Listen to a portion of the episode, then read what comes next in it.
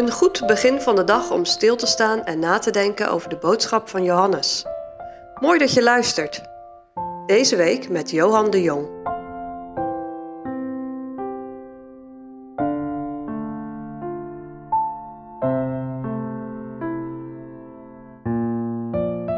Deze week staan we stil bij een aantal gesprekken zoals die voorkomen in de eerste hoofdstukken van het Evangelie naar Johannes. In vier gevallen gaat het om gesprekken van de Heer Jezus, in één gesprek om Johannes de Doper. Vandaag gaat het over het gesprek in de tempel dat de Heer Jezus voert met tempeldienaren nadat de Heer de tempel gereinigd heeft. We lezen eerst het Bijbelgedeelte Johannes 2 van vers 13 tot en met 25.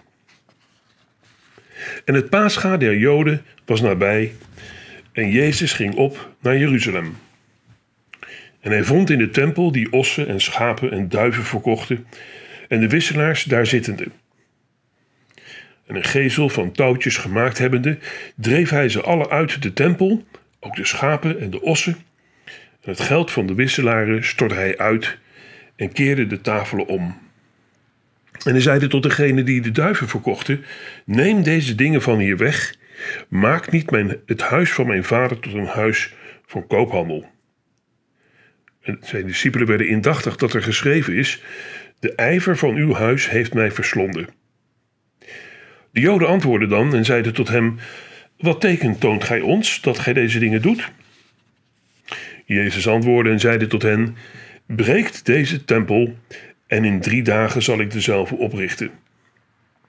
De Joden dan zeiden: 46 jaren is over deze tempel gebouwd, en gij, zult gij die in drie dagen oprichten? Maar hij zeide dit van de tempel zijns lichaams.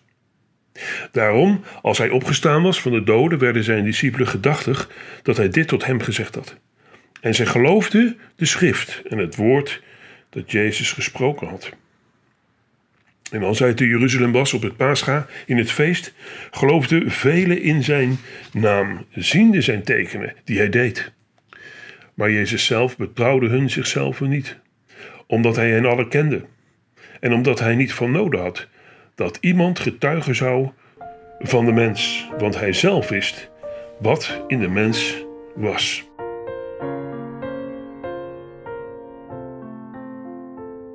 De heer Jezus is in de tempel in Jeruzalem met zijn discipelen ter gelegenheid van het Pascha. Het is aan het begin van zijn omwandeling. In het vorige hoofdstuk lezen we van het eerste teken dat hij doet tijdens de bruiloft te Cana. Daarover ging het in de vorige afleveringen van deze podcast. Nu lezen we over andere tekenen die hij daarna doet in Jeruzalem.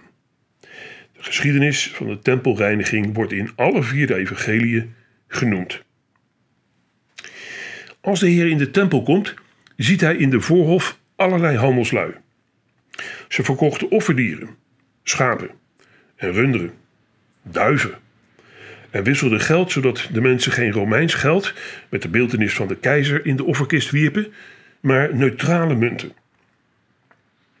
De Heer is vertoornd niet om het feit dat deze zaken aangeboden worden, dat was immers noodzakelijk, maar dat men dat deed op het tempelterrein zelf.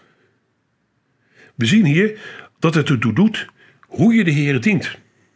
Niet volgens je eigen inzichten en met de beste bedoelingen, maar zoekend naar hoe de Heer dat wil. De Heer maakt een geestel van touwtjes en drijft de handelaren uit en werpt de wisseltafels om. Je moet dit niet zien als iets gewelddadigs. Die touwtjes veroorzaken geen pijn of verwondingen, maar zorgden er wel voor dat de handelaren met hun vee vertrokken. Opvallend is het gezag waarmee de Heer dit doet. Je zou zeggen dat de handelaren hem zouden kunnen stoppen. Of anders wel de tempelpolitie.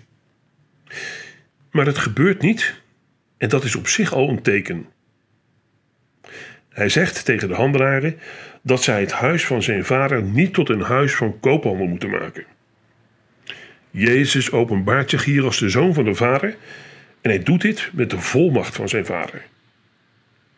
De discipelen zien dit en denken aan Psalm 69, vers 10, De ijver van uw huis heeft mij verslonden. Maar dan komen toch de tempeldienaars, in de tekst de Joden genoemd, en vragen hem naar een bewijs, een teken dat hij dit mag doen. Eigenlijk vragen ze om een tweede teken, want de reiniging zelf was immers zo'n teken. Het antwoord zal je misschien wat verbazen. Jezus zegt: breekt deze tempel en in drie dagen zal ik dezelfde oprichten. Natuurlijk begrijpen de Joden dit niet. Ze denken dat hij spreekt over de gebouwen van de tempel en antwoorden dan ook dat het onmogelijk is om dat te doen. Er was immers 46 jaar aan de tempel gebouwd. Maar Jezus zei dit van zijn lichaam. Hij maakt hier aan het begin van zijn bediening, van zijn werk, bekend wat het doel is van zijn werk hier op aarde: lijden, sterven en opstanding. Om zo het volmaakte offer te brengen. Dat is het teken waarom de Joden vroegen. We lezen verder niets meer over deze confrontatie met de Joden. Wel lezen we dat hij nog vele andere tekenen deed tijdens het feest. Velen geloofden in hem, maar de laatste versen wijzen erop dat dit geen hartezaak was, maar een uiterlijk geboeid zijn door de wonderlijke tekenen. En dit vormt de brug naar Johannes 3 en het gesprek met Nicodemus, waarover we morgen nadenken. Voor nu twee vragen naar aanleiding van deze geschiedenis. 1. Erken jij met je hart het gezag van de Heer Jezus als de Zoon van God en als de Messias, de Verlosser die komen zou? En de tweede plaats. De Heere laat de ijver voor de dienst van God zien. Hoe is dat in jouw leven?